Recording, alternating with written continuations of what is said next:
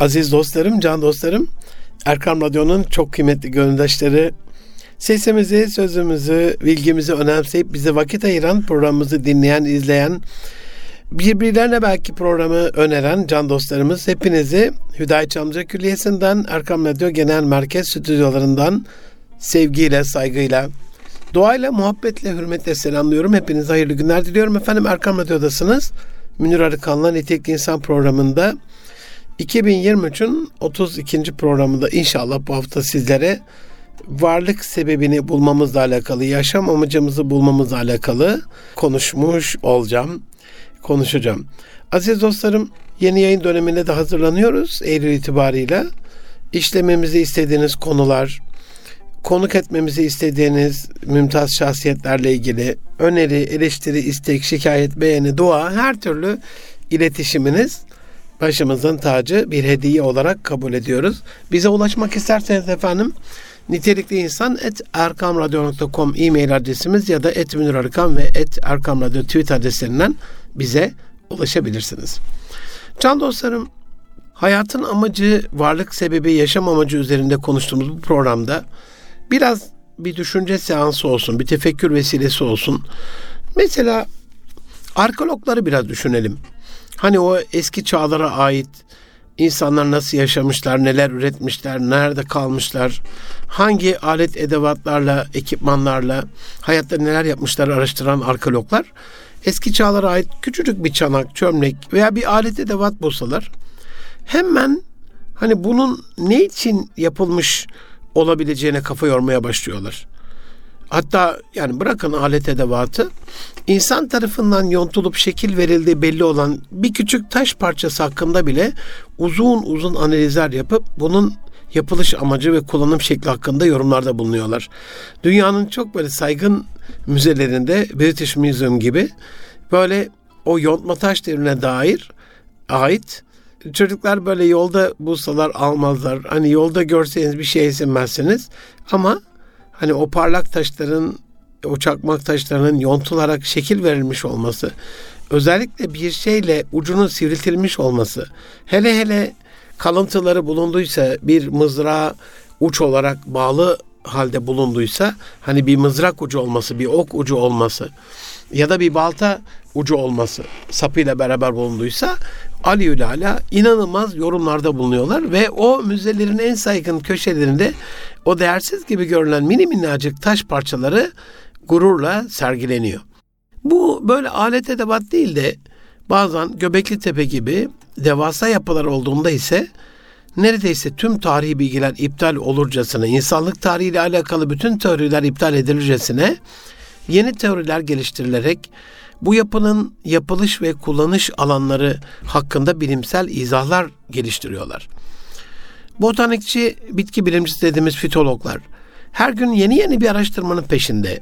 Yeni bir bitki, bir ot keşfettiklerinde hemen bunun neye yaradığına, içindeki şifasına kafa yormaya başlıyorlar. İnsanla özellikle etkileşimine.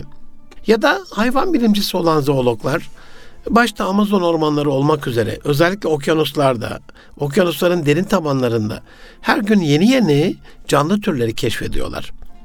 Her keşifte yapılan ilk şey bu varlığı tanıma, yaşam şekli hakkında bilgi sahibi olma ve çevresel yaşam döngüsü hakkında bilgi toplayarak analizler yapmak oluyor.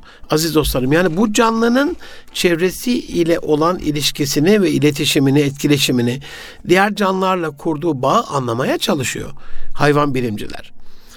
Bu yani yapılış sebebini bulma çabası, niye yapıldığını anlama çabası ister bir Sümer çivi yazısında olsun, ister bir Mısır hierografisinde olsun, isterse de Orhun kitabelerindeki Göktürk yazıtlarında olsun, o kazınan mermer mermerimsi taş ve gerçi Sümerlerde onu kile yapıyorlardı. Ortaya çıkartılan her eserde ne yazdığı, bu eserin neden yapıldığı ilk merak edilen ve ortaya konmaya çalışılan hakikat oluyor. O yazıyı bilmedikleri için, o dili bilmedikleri için o dili anlamaya özellikle son dönemde yapay zekanın çabasıyla, desteğiyle birbir arasında bağla, hızlı bağlantı kurarak o işi sökmek oluyor. turistik gezilerimizde de biz hayran hayran baktığımız, gördüğümüz, incelediğimiz tüm eserler içinde bu geçerli.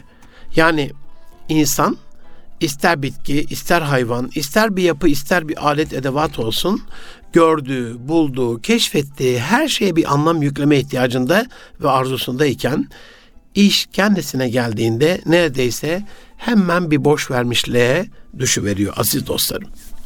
Peki bizim hayat merkezimiz olan, düşünce ve idrak sistemimiz olan, algı ve iman merkezimiz olan kalbe pompa diyen, gönül kapımız olan gözümüze, göz bebeğimize mercek diyen, yaşam destek ünitemiz olan, bizi arındıran, yaşama bağlayan böbreğimize süzek diye bakan bir bilimden daha fazlasını da bekleyemeyiz değil mi?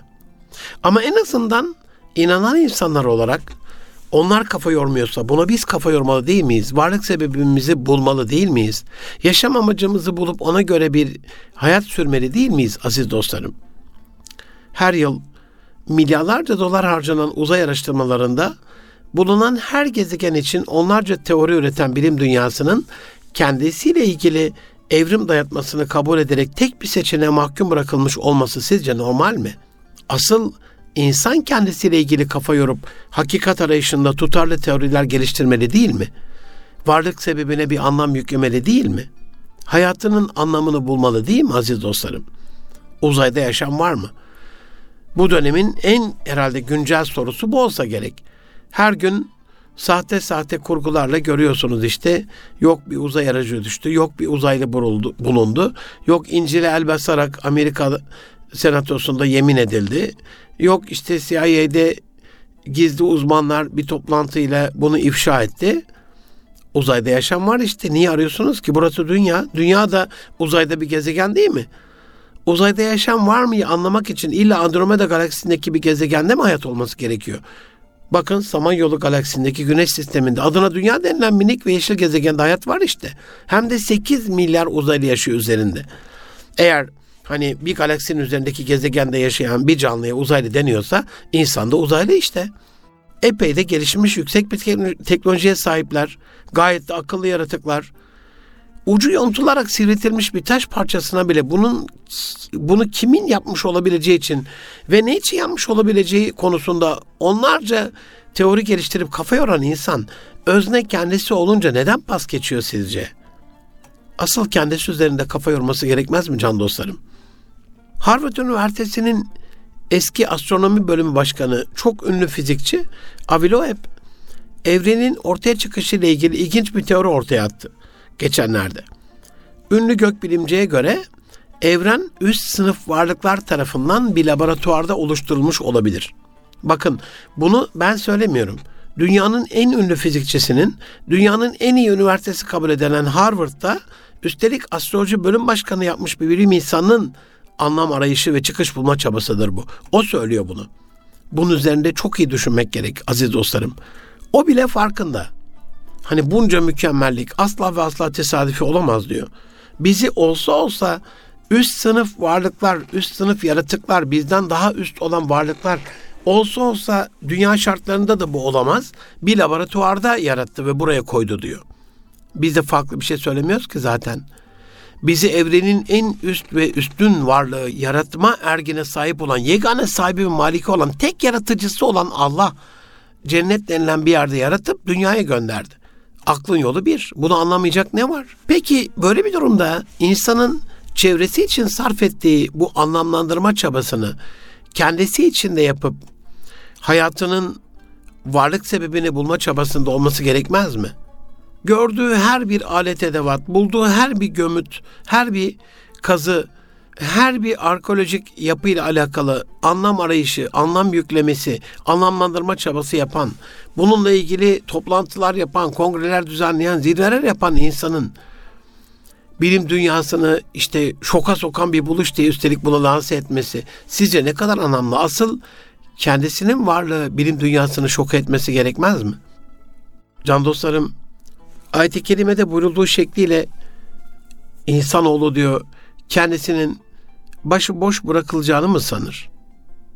Hesap gününü tasvir eden Rabbimiz o gün için hesaba çekilen insana sizi boşuna yarattığımızı ve bize tekrar döndürülemeyeceğimizi mizi mi sandınız diyeceğini bize haber veriyor bir başka ayet-i kerimede. İnsan asla ve asla başıboş bırakılmamıştır. İnsan asla ve asla boşuna yaratılmamıştır ve insan muhakkak ki hesaba çekilecektir. O zaman bu hayatın bir varlık sebebi, bir gayesi, bir anlamı olsa gerek. Cinleri ve insanları sadece ve sadece وَمَا خَلَقْتُ cinne vel inse illa liyabudun diye buyurduğuna göre sadece ve sadece kendisine kulluk etmesi için yaratan Rabbimizin bu muradını göz ardı etmenin çok acı ve vahim sonuçları olacak Allah muhafaza cehennemde. Rabbimiz hepimizi muhafaza eylesin can dostlarım. Yani Allah'ın özel bir tasarımı olan, Allah'ın özel bir lütfu olan, Allah'ın özel bir hediyesi olan, onun tasarrufuyla dünyaya gönderilen ve geçici konağımızda dünya denilen, dani denilen, adi denilen, değersiz denilen şu dünya oyun tarlasında öyle söyleyeyim, imtihan tarlasında ya da imtihanımızı tamladıktan sonra göçüp gideceğiz işte Rabbimize. Darül Bekaya, baki olan Bekaya. Onun için Rabbimizin evet birinci manada madalyonun bir tarafında bizi kendisine kul olmamız için yarattı ama öbür tarafta Allah'a kulluğumuzun insanlara faydalı olmak, sosyal bir varlık olmak, aile kurmak, aileyle birlikte güzel bir yaşam sürmek, akrabalarla iyi geçinmek, komşuluk ilişkilerine dikkat etmek, helalinden ticaret yapmak, üretmek, çiftçilik, hayvancılık yapmak, iş kurmak, çalışıp çabalamak ve kazancın bir kısmıyla de fakirleri, yoksulları, muhtaçları, ihtiyaç sahiplerini kollayıp gözetmek gibi bir yönü de var elbet. Yani çift taraflı madalyonun bir tarafına baktığımızda kulun Allah ile olan rabıtasını, öbür tarafında da kulun kullarla olan muamelatını görmekteyiz aziz dostlarım. Bu anlamda demek ki varlık sebebinin de bu çift taraflı madalyon gibi bir yüzü Allah ile kendi aramızda olan inancımız, düşüncemiz, tasavvurumuz, itikadımız, ibadetimiz ama diğer kısmında da tamamen insanlarla olan muamelatımız kazınmış. Her iki tarafında ihyası bizim buradaki varlık sebebini bulmuş olmamız anlamına geliyor. Peki varlık sebebiyle alakalı nasıl bir varlık sebebi, nasıl bir anlamlandırma olması gerekiyor? Farz ibadetlerden sonra Allah'ın en çok hoşuna giden şey müminlerin kalbinde sevinç doğurmak ise varlık sebebimizin insana bakan yönü onun inşası, imarı, ihyası ile ilgili olsa gerek. İnsanın sevindirilmesiyle ilgili olsa gerek. Bu sebeple psikologların bulduğu bir hakikattır. Ne olursunuz deneyimlemişsinizdir zaten ama buna biraz daha önem verin hayatınızda. İnsan kendi aldığına değil, insan kendi kendisine ısmarladığına değil, insan kendi yiyip içtiğine değil, kendi giydiğine değil, bir başkasının kalbinde sevinç olup bir başkasına bir şey ısmarladığında, bir başkasına bir hediye aldığında, bir başkasını mutlu ettiğinde çift oluyormuş sevinci ve mutluluğu. Psikolojik açıdan da bu böyle. Yani hayat hep kazandıklarını harcayarak hayatını devam ettirme sanatı olmaktan öte kazandıklarınla verdiklerinle yepyeni hayatlar başlatabilme sanatı. Bunu görmüş Batı. Onun için hani Allah'a inanan inanmayan, bir tanrının varlığına iman eden etmeyen, Hristiyan olsun, Yahudi olsun, putperest olsun, ateist olsun, bütün insanların e bakıyorsunuz işte mesela 3, 4, 5, 7, 8, 10 köpek bakıyor. Hani onlar da varlık aleminde birinin gönlüne girme, birini sevindirme, biriyle bir bağ kurmanın peşinde. Bu insan olmuyorsa, insandan uzaklaşıyorsa en azından bir hayvan oluyor. Bazıları kendi bitkiyi arıyor adıyor. Bazıları işte geçmiş hayatlara adıyor. Bazıları bir eşyaya adıyor. Bazıları inovasyonla alakalı bir alet edevata adıyor. Ama adıyor mutlaka kendisini. Öbür türlü boş olmak varlık sebebine uymadığı için anlamlı gelmiyor ona. Anlamlı gelmediği için de bundan uzak duruyor. Can dostlarım her fırsatta gururla söylüyorum. Bazen hani çok mu tekrar oluyor diye düşünüyorum ama söylemekten de asla vazgeçmeyeceğim. İşte Sel Selçuk Bayraktar'ın İslam'ın ve ümmetin bayraklarını yaptığı ihva siha başarısı. Ümmeti Muhammed'e yeniden izzet geliyor. tabiri yerindeyse, tabiri caizse. Eylül ayının konusu, ana konusu izzet. İnşallah Müslümanın izzetiyle alakalı, ailemizin izzetiyle alakalı, eğitimde ilim dünyasının izzetiyle alakalı, özellikle İslami anlamda hizmet eden ilim erbabının izzetiyle alakalı, Müslümanların her hayatın her alandaki izzetiyle alakalı farklı dostlarımızla, üstadlarımızla, ilim insanı, alimlerimizle bir araya gelip hayatımızda gittikçe böyle etkisi azalan izzetin yeniden kabulüyle alakalı, yeniden inşasıyla, ihyasıyla alakalı birkaç program serisi yapmak istiyorum. Önerilerinizi bu konuda da beklerim. Ermenilerin işgal ettikleri Karabağ'dan kovulması az bir şey midir sizce aziz dostlarım? Karabağ'ın yeniden aslına tevdi edilmesi, o domuz çiftliği yapılan, ahır yapılan camilerin yeniden ibadete açılması, evlerinden, yurtlarından kovulan, 36 yıl sefalet içinde sürgün hayatı yaşayan Karabağların yurtlarına yeniden kavuşması az buz bir şey mi sizce? Karabağ semalarında ezan Muhammedi'nin yeniden yankılanması sizce az bir şey mi? Ve daha da önemlisi bir taraftan hani Müslümanların kalbinde sevinç doğurup Müslümanları sevince boğarken öbür taraftan da kafirleri zilete düşürmüş. Müslümanları onların elinde oyuncak yapmamış olmanın gururunu biz yaşarken onların da böyle kuyruklarını kıstırıp defolup gitmiş olması, onların da üzülmüş olması az bir şey midir? Bu anlamda Allah rızası için her, her, her ne iş yaparsanız yapın. Yani ben dünyada helal ve meşru çerçevede önemsiz ve küçük bir iş olduğuna asla ve asla inanmıyorum. Bildiğim bütün derler üzerine yemin ederim. Hani ecdadın söylediği gibi Nallıhan'daki Nalcı Baba'nın özdeyişinde olduğu gibi bir çivi bin al kurtarır değil mi? Bir bin al bir at kurtarır, bir atlı bir savaş kurtarır, bir savaş bir ülke kurtarır. Aynen öyle. Bir ülkenin kurtulmasıyla alakalı o atın ayağındaki nalı tutan o son çividedir keramet. Onun için her ne iş yaparsak yapalım işimizi kaliteli biliyorsunuz birkaç hafta evvel kaliteyle ilgili işlerimizi kaliteli yapmakla ilgili de bir seri program yapmış bulundum ve bunu da birbirinize tavsiye edip arşivden dinlemenizi istirham ettim sizden. Müslümanın işi kaliteli olacak. Neden? Çünkü kaliteli işin sonucu güzel olacak. Güzel iş insanların kalbinde sevinç doğuracak, insanları mutlu kılacak, mutmain edecek. Hep kafirleri övmekten, hep kafirleri gıpta etmekten, hayran hayran onlara bakmaktan, ya şimdi onların bu yaptığını biz yapamayız diye hep böyle bir aşağılık kompleksine girmekten bıkmadık mı sizce de? İşte şimdi Afrika'da görüyorsunuz, Afrika baharında soykırımcı, sömürgeci batıyı Afrika'dan ezildiği, hakir görüldüğü, köle olarak evlerinden, yurtlarından sökülüp, işkencelerle mahvedilip soykırıma uğratılan Afrikalı kardeşlerimizin, Batı'yı Afrika'dan kovan Müslüman kardeşlerimizin devlet başkanlığı masasında anayasa imzaladıkları görüntülerde masada bir de bayraklar akıncı maketi var değil mi? Bunun sebepsiz olduğunu mu zannediyorsunuz aziz dostlarım? Özellikle Fransa'ya, İtalya'ya, İsviçre'ye, Belçika'ya sömürgeci İspanya'ya, İngiltere'ye kafa tutan Müslüman kardeşlerimizin yaptığı bütün protesto gösterilerinde Türk bayrağı taşımaları, gururla o bayrağı sallamaları sizce tesadüf mü? Sebepsiz mi sizce bu? Batıya baharı getirmeyecek Afrika'nın kendi o makus talihini yendiği, kendi baharını inşallah inkişaf ettirdiği çok özel bir dönem yaşıyoruz. Ve burada küçük bir çağrıyı İzzet adına programda ileride işleyeceğim ama yeri gelmişken söyleyeyim. Hala hani bu kadar soykırımcı, işkenceci, katliamcı en azından en azından bırakın bütün günahlarını Peygamber Efendimiz'i sapkınca tasvir eden o alçak karikatörleri bütün kamu binalarına astırıp buna da özgürlük demesi yetmez mi günah olarak Macron için, Emmanuel Macron için? Sadece bu günahları dolayısıyla, bu suçları dolayısıyla, bu saygısızlıkları, bu pervasızlıkları dolayısıyla Fransız ürünleri Allah aşkına ümmeti Muhammed'in saygın iş adamlarına sesleniyorum. Çok değerli annelerine, hanımefendilerine sesleniyorum.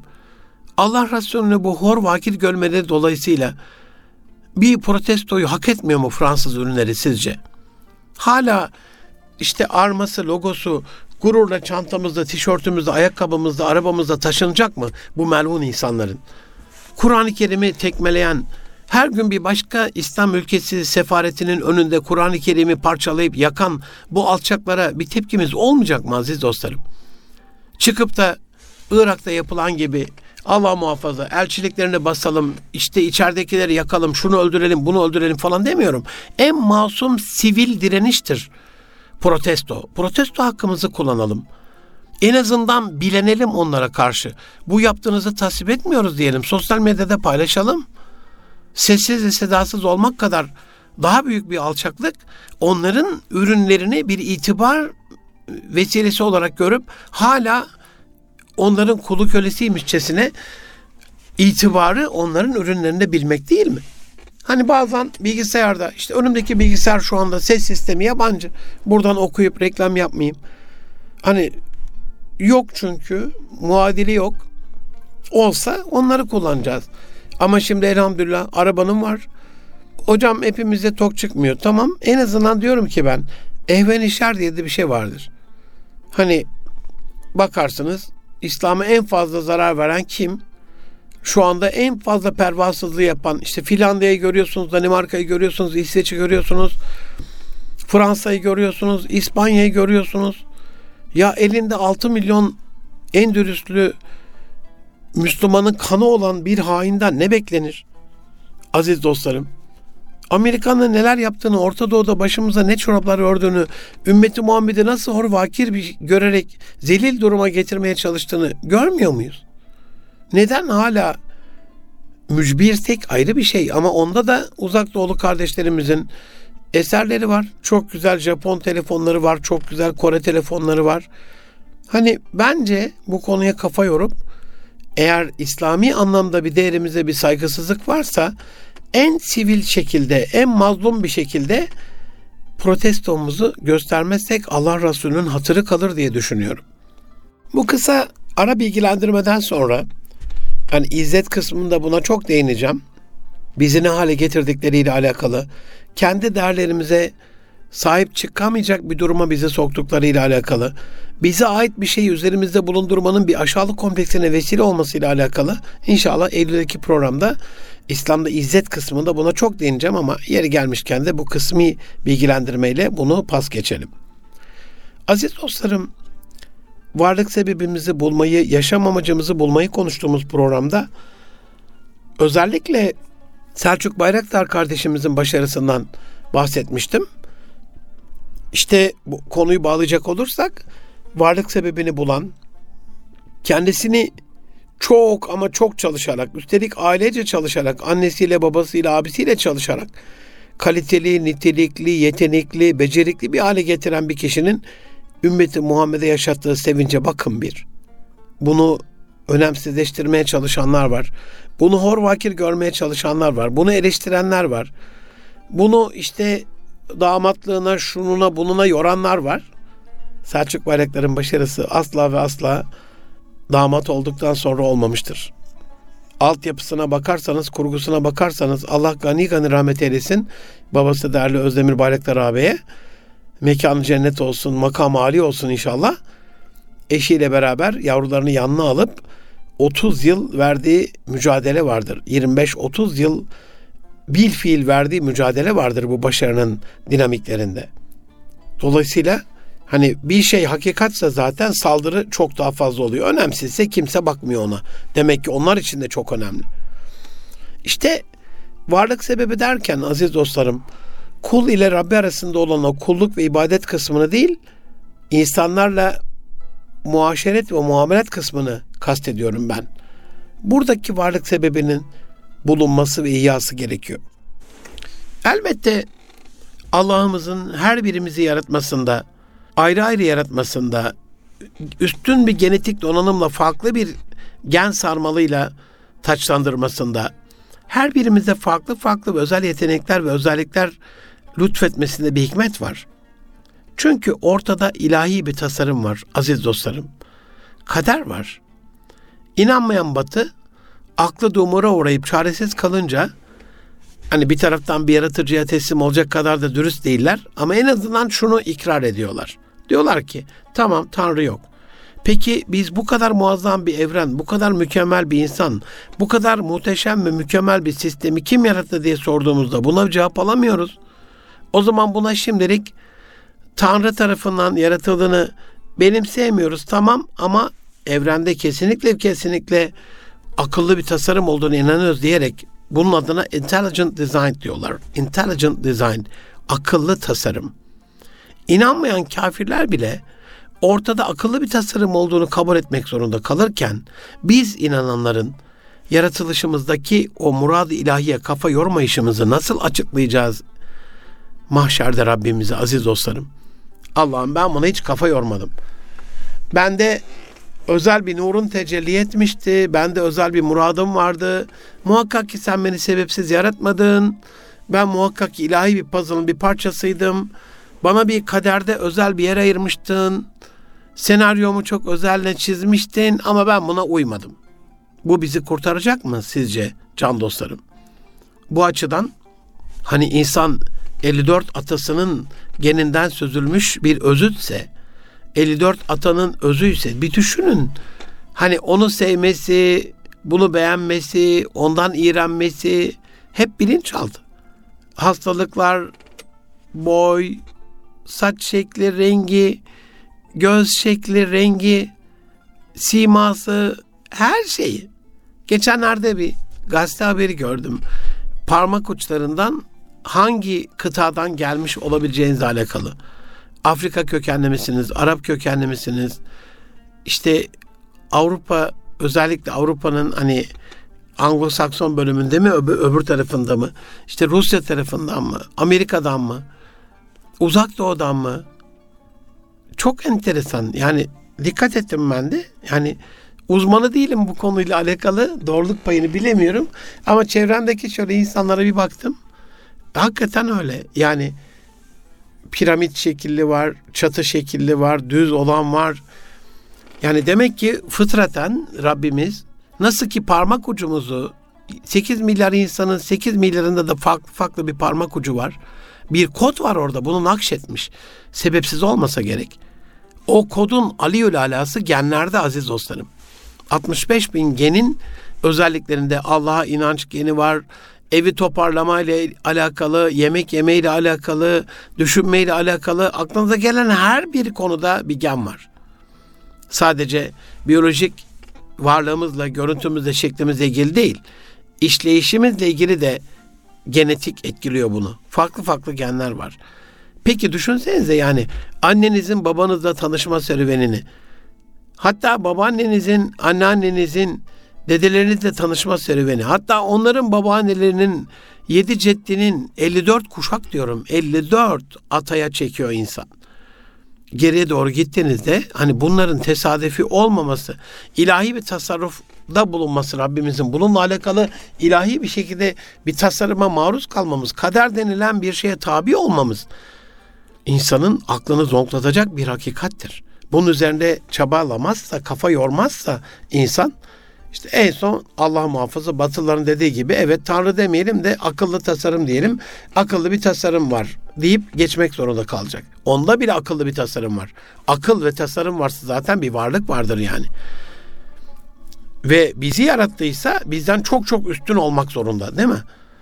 Sadece galaksimizde düşünün. Samanyolu galaksisi. Saniyede 300 bin kilometre ışık hızında gitseniz bir ucundan bir ucuna 100 bin ışık yılında gidiyorsunuz. Evrenin büyüklüğünü bir düşünün. Görünen evren Big Bang'den bu yana 13.7 milyar ışık yılı. Milyar ışık yılı ne demek aziz dostlarım? Hani 10 bin yıl, 20 bin yıl, 30 bin yıl, 50 bin yıl, 100 bin yıl. Ama milyona çıktığında farklı oluyor bir de milyar. 13 milyar yıl geçirmesi ışık hızında bir de düşünün büyüklüğünü. Işık olarak daha bize yeni geliyor. Big Bang'den bu yana yaratılışın işte James Webb teleskobu bunun keşfiyle alakalı yeni yeni 600 milyon ışık yılı evrenin oluşumundan sonraki döneme gidebilir miyiz, bakabilir miyiz? Bir onun kaygısındalar. Evrenin yaratılış anına ne kadar şahitlik edebileceğiz? Ne kadar künhüne vakıf olmasak da zahiren bilebileceğiz. Onun peşindeler. Onun için bu murad ilahiye kafa yormamızla alakalı, varlık sebebimizi bulmamızla alakalı. Özellikle hani aile programında da söylerim ama anne babaların bu konuda özellikle sorumlu olduğunu düşünüyorum. Eğer insanlar maden cevheri gibiyse Allah Resulü böyle buyuruyorsa ki asla yanılmış olamaz. O madenin, o cevherin işlenmesiyle alakalı ilk sorumluluk anne babaya verilmiş. Geçen aile programında biraz bahsettim aziz dostlarım. Hani o, o cevherin ilk işlendiği yer anne rahmi. Oluşum aşaması. Orada biraz dikkat ediyoruz. Yediğimizde, içtiğimizde işte sigara kullanıyorsak bırakıyoruz. Alkol kullanan kardeşlerimiz hamileliklerinde alkol içmiyorlar. Allah muhafaza bir uyuşturucu muşturucu bilmem ne bağımlılık varsa hamile kaldığında hepsini bırakıyor. Bir ilaçla alakalı düzenli kullandığı bir şey varsa bebeğe zarar olur diye onu bırakıyor. Beslenmesine dikkat ediyor. Yürüyüşüne, yatmasına, her şeyine. Hani o cevherin işlendiği dönemde içerideki cevherin farkında insan. Ona uygun davranıyor. Problem o cevher dışarı çıktıktan sonra onun işlenmesiyle alakalı hani saldım çayıra Mevlam kayıra öyle bir durum yok. Mevlam asla kayırmıyor. Adaletin tecelli etmesi gerekiyor çünkü. Bu anlamda da anne babanın o insanı en güzel şekilde yarattığı Rabbimize iman ederek onu en güzel bir işletim sistemiyle teçhiz etmiş Rabbimizin ona kendinin ruhundan üflemesinin önünde saygıyla eğilerek onun halifesi olma şerefine nail olmuş o yavrucağı alemin bütün esmasına vakıf olarak her şeyin küne varmış, idrak etmiş ve anlamış bir insan olduğunun farkında bir şekilde ona davranmalı. Bundan sonra kıvıramaz. Yavrusuna kıyamaz. Üstelik hani bu madde aleminin bir de mana aleminde, alem ervahatta, ruhlar aleminde insanları ruh formatında yaratıp elestü brabüküm diye ben sizin Rabbiniz değil miyim diye soran yaratıcısına kalu dediler ki bela. İşte hep çocuklar söyler şu dönemde yaz Kur'an kurslarında da işte Müslüman mısın? Elhamdülillah. Ne zamandan beri? Kalu beladan beri. Kalu bela diye bir şey yok. Yani dediler ki evet aslında hani kalu bela dedikleri bir tarihmiş gibi söyler çocuklar onu bilmeden yani aslı şudur evet dediğimiz günden beri ruhlar aleminde Rabbimizin sorusuna biz Allah'ın kuluyuz ve Müslümanız. Onun için bu sorumluluktan asla ve asla insan kaçamaz. O halde unutmamalıyız ki can dostlarım, midemiz ağrıdığında kaynatıp içtiğimiz naneye o şifayı ekleyen Allah'ımız, yani o minnacık bir ot parçasına varlık sebebi lütfeden Rabbimiz, bize varlık sebebi murad etmemiş olamaz. Bizi bu dünyaya bir bela olarak yaratmış olamaz. Bir bela olarak bizi buraya göndermiş olamaz. Buraya biz kazara gelmiş olamayız aziz dostlarım. İnsan dünyaya Allah'ın bir hediyesidir. Allah tarafından yollanmış kutsal bir hediyesidir üstelik. Üstelik ona kendi ruhundan üfleyerek onu yeryüzünde halifesi kılan Rabbinden bir hediyedir insan dünyaya. Ve bu hediye öyle bir hediyedir ki varlık sebebini bulduğunda burada yaptıklarıyla dünyayı, madalyonun bir tarafında dünyayı, öbür tarafında dünyasını, bir tarafında maddeyi, öbür tarafında manasını, bir tarafında kendini, öbür tarafında insanlığı ihya ve inşa ettiğinde ödül olarak ebedi cennetle mükafatlandırılacak bir muhteşem hediyedir insan. Kaytarık kuytarık bir piknikte düşünün bir aziz dostlarım oyun olsun diye elimize tutuşturulan talimatlara bakarak yönümüzü tespit ederek işte güneş bu tarafta, etrafımızdaki eşyalar işte ağaçlara bakarak büyük çınar ağacı şurada bağlantı kurarak yön bulup rotayı doğru şekilde tahmin edip sonuca gittiğimiz bize verecek ödüle gittiğimiz bir oyun oynuyoruz. Orienteering biliyorsunuz. Yön bulma oyunu. Bazen de bir kitap oluyor ödül, bazen bir çeyrek altın oluyor. Onunla mükafatlandırıldığımız bu minik oyun için bile o kadar büyük efor sarf ediyoruz ki, o kadar bir takım oyunu oynuyoruz ki, o kadar merak edip oyunun içinde kalmaya çabalıyoruz ki, o kadar çok büyük bir çaba gösteriyoruz ki anlatamam. İşte bu çabanın en azından ahiret orientering için de gösterilmesi gerekmez mi aziz dostlarım? Dünya orienteringi tamam. Dünyada yönünü buluyor insan. Şimdi telefonlar var. Açıyor navigasyonu trafik karmaşasında evine bile gitmek istediğinde, iş yerine gitmek istediğinde yönünü buluyor anlık olarak. Peki ahiretle alakalı da bir navigasyonumuz olması gerekmez mi? Bizi oryante eden, bizi yönde, rotada tutan, bizi kalibre eden, arada rot balanslarını yapan bir aracın, bir aracın olması gerekmez mi can dostlarım? İnsan Allah'ın bir lütfudur. Yaratılmışların en üstünüdür. Eşref mahlukattır, ahseni takvimdir. Allah biz insanı en güzel bir biçimde ve şekilde yaratmıştır. Yani insan çok ama çok muhteşem, çok ama çok mükemmel bir varlıktır aziz dostlarım. Bu varlık hayatının 50-100 yıllık bir dünya şartlarında üstelik çocukluğu affedersiniz altı temizlenecek bir acizlik içerisinde farkındalığı olmayan bir lay oyun heves içerisinde yaşlılığı yine bin bir eziye, eziyetle ve cefayla dolu, hastalıkla, çileyle, sıkıntıyla dolu. Hani ortadaki 20-30 yıllık bir hayatı yaşamak için yaratılmış olamaz insan. Belli ki burası bir imtihan yeni. Belli ki asıl yurdumuz burası değil ahiret. O halde varlık sebebimizi bulup Allah'ımızın bizi neden yaratmış olabileceği konusunda kafa yorup kendimizi gerçekleştirmek ve üzerimizdeki murad ilahiyi ihya etmek zorundayız aziz dostlarım. Bundan başka türlü bir huzur ve mutluluk asla ve asla olmayacak. Can dostlarım, işin tabi bir kişisel huzurla alakalı bir kısmı var. Aile programında zaman zaman değiniyorum. Bir aileyle ilgili huzur kısmı var. Çünkü ailede kendini bulmamış, varlık sebebini bulmamış, yaşam amacını tespit etmemiş, hayat gayesini bilememiş, burada tökezleyen bir üye bütün aileyi fesada sokuyor. Bunun iş dünyasında şirketlerle ilgili bir kısmı var. Orada da yine varlık sebebini bulmayan insan, niçin yaratıldığına kafa yormayan insan, öylesine bir hayat sürdüğünde öylesine bir iş yapıyor. O da başarıyı getirmiyor. Bunun sivil toplum örgütleri, STK, vakıflarımızla ilgili bir yönü var. Onların da insanın bu imarıyla, inşasıyla, ihyasıyla alakalı, özellikle varlık sebebini bulmasıyla alakalı o yavrularımıza sahip çıkmak, onları yetiştirmek, geliştirmek zorunda. Küçücük bir gül fidesi bile baktığınızda ne hale geliyor aziz dostlarım. Türkiye'nin ihracatına yakın bir bedeli Hollanda tarımdan kazanıyor. Konya ilimiz kadar bir ülke sadece Osmanlı'dan çaldığı lalelerle ihracatımızın yarısından daha fazla bir ihracat yapıyor.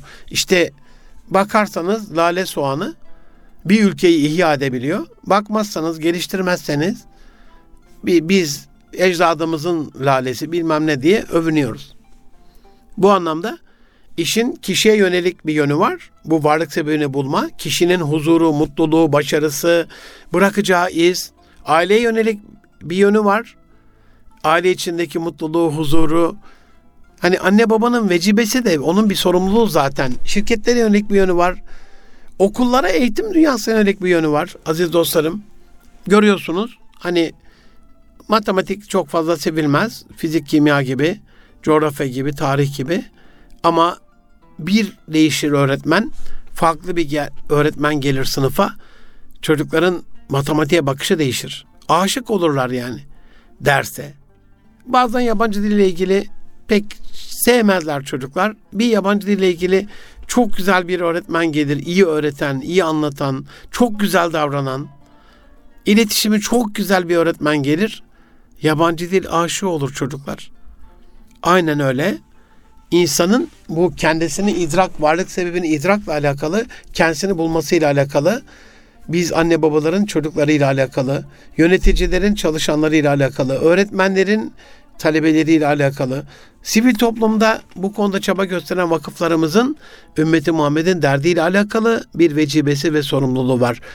Bu sorumluluğu yerine getirdiğiniz, bu sorumluluktan kaçmadığınız, insanın varlık sebebini hem kendiniz bulup hem de insanlara bulmayla alakalı yardımcı olduğunuz, yaşam amacını bulan insanların daha mutlu olduğunu gözlemliyorum aziz dostlarım. Ve bu şekilde dünyadaki mutluluğa ve bu mutluluğun ahirete yönelik yönüyle itibarıyla da uhrevi, ebedi Darül Beka'daki mutluluğu inşa etmesine vesile olan bir gelecek diliyorum hepinize.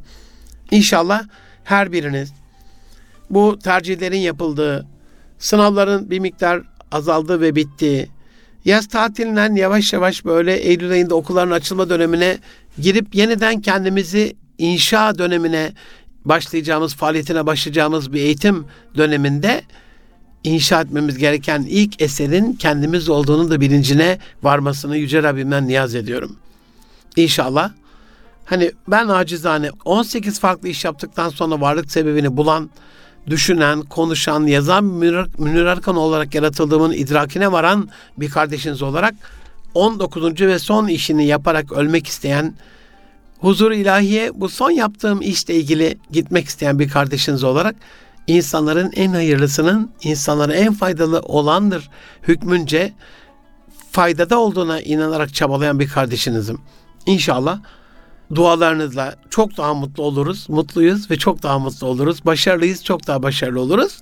Sizlerin de bu mutluluğa ermesi, kendini gerçekleştirmesi, varlık sebebini bularak mutmain olmasını Yüce Rabbimden niyaz ediyorum. Hoşça kalın. Allah'a emanet olun can dostlarım.